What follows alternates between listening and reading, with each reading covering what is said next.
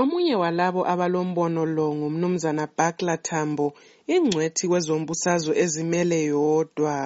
Okuzakwenzakala yikuthi e-Constitutional Court ubaba uchamisa le-MDC Alliance awasoze benqobe. Okuzakutsho ukuthi ubaba uMnangagwa ngemva ngemva kwe-Constitutional Court isizwile udaba lawo uzagcotshwa abe ngupresident weZimbabwe. Ubaba uMnangagwa kayifuni le singathi i-run off ngoba u-2008 wabafundisa kakhulu ukuthi i-run off ayiwineki kalula.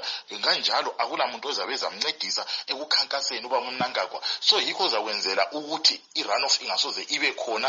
Ngenxa yokuthi i-run off nxa iyakuba khona izawuba lobudlwangudlwangu obukhulu kakhulu Umnumzana Dumisani Nkomo uvumelana loThambo esithi ibandla leZANU-PF kalifisi ukuthi luphindwe ukhetho lolu.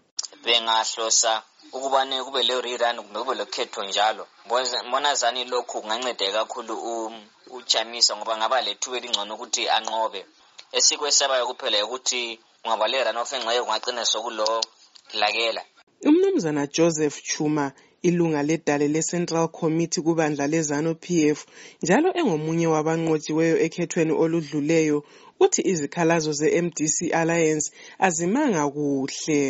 Uthi bahle baqala ngokusola umnankagwa kulokuthi basole izeg uthi kaboni ukuthi idale lizakhipha impumela efiswa ngumanyano we-MDC Alliance. Izikhalazo zabo zonke ngibona anto azimanga kahle ngoba bahle bavele baqala ngokuthi kona bakhombele umkhokheli wethu ubaba u-emerson dambuzo mnangagwa waba yi-first respondent.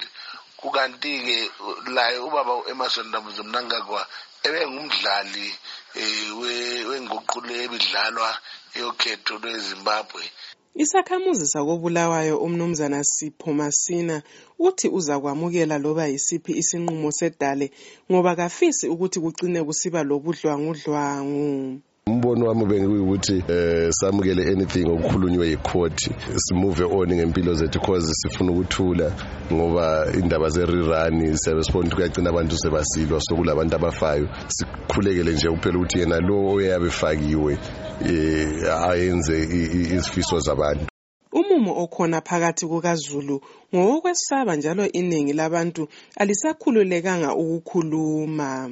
Impumela yedale ikhangelelwe phakathi kwamalanga alichumi lane. Ngimele istudio 7 ngikobulawayo. Ngingubathabile Masuku.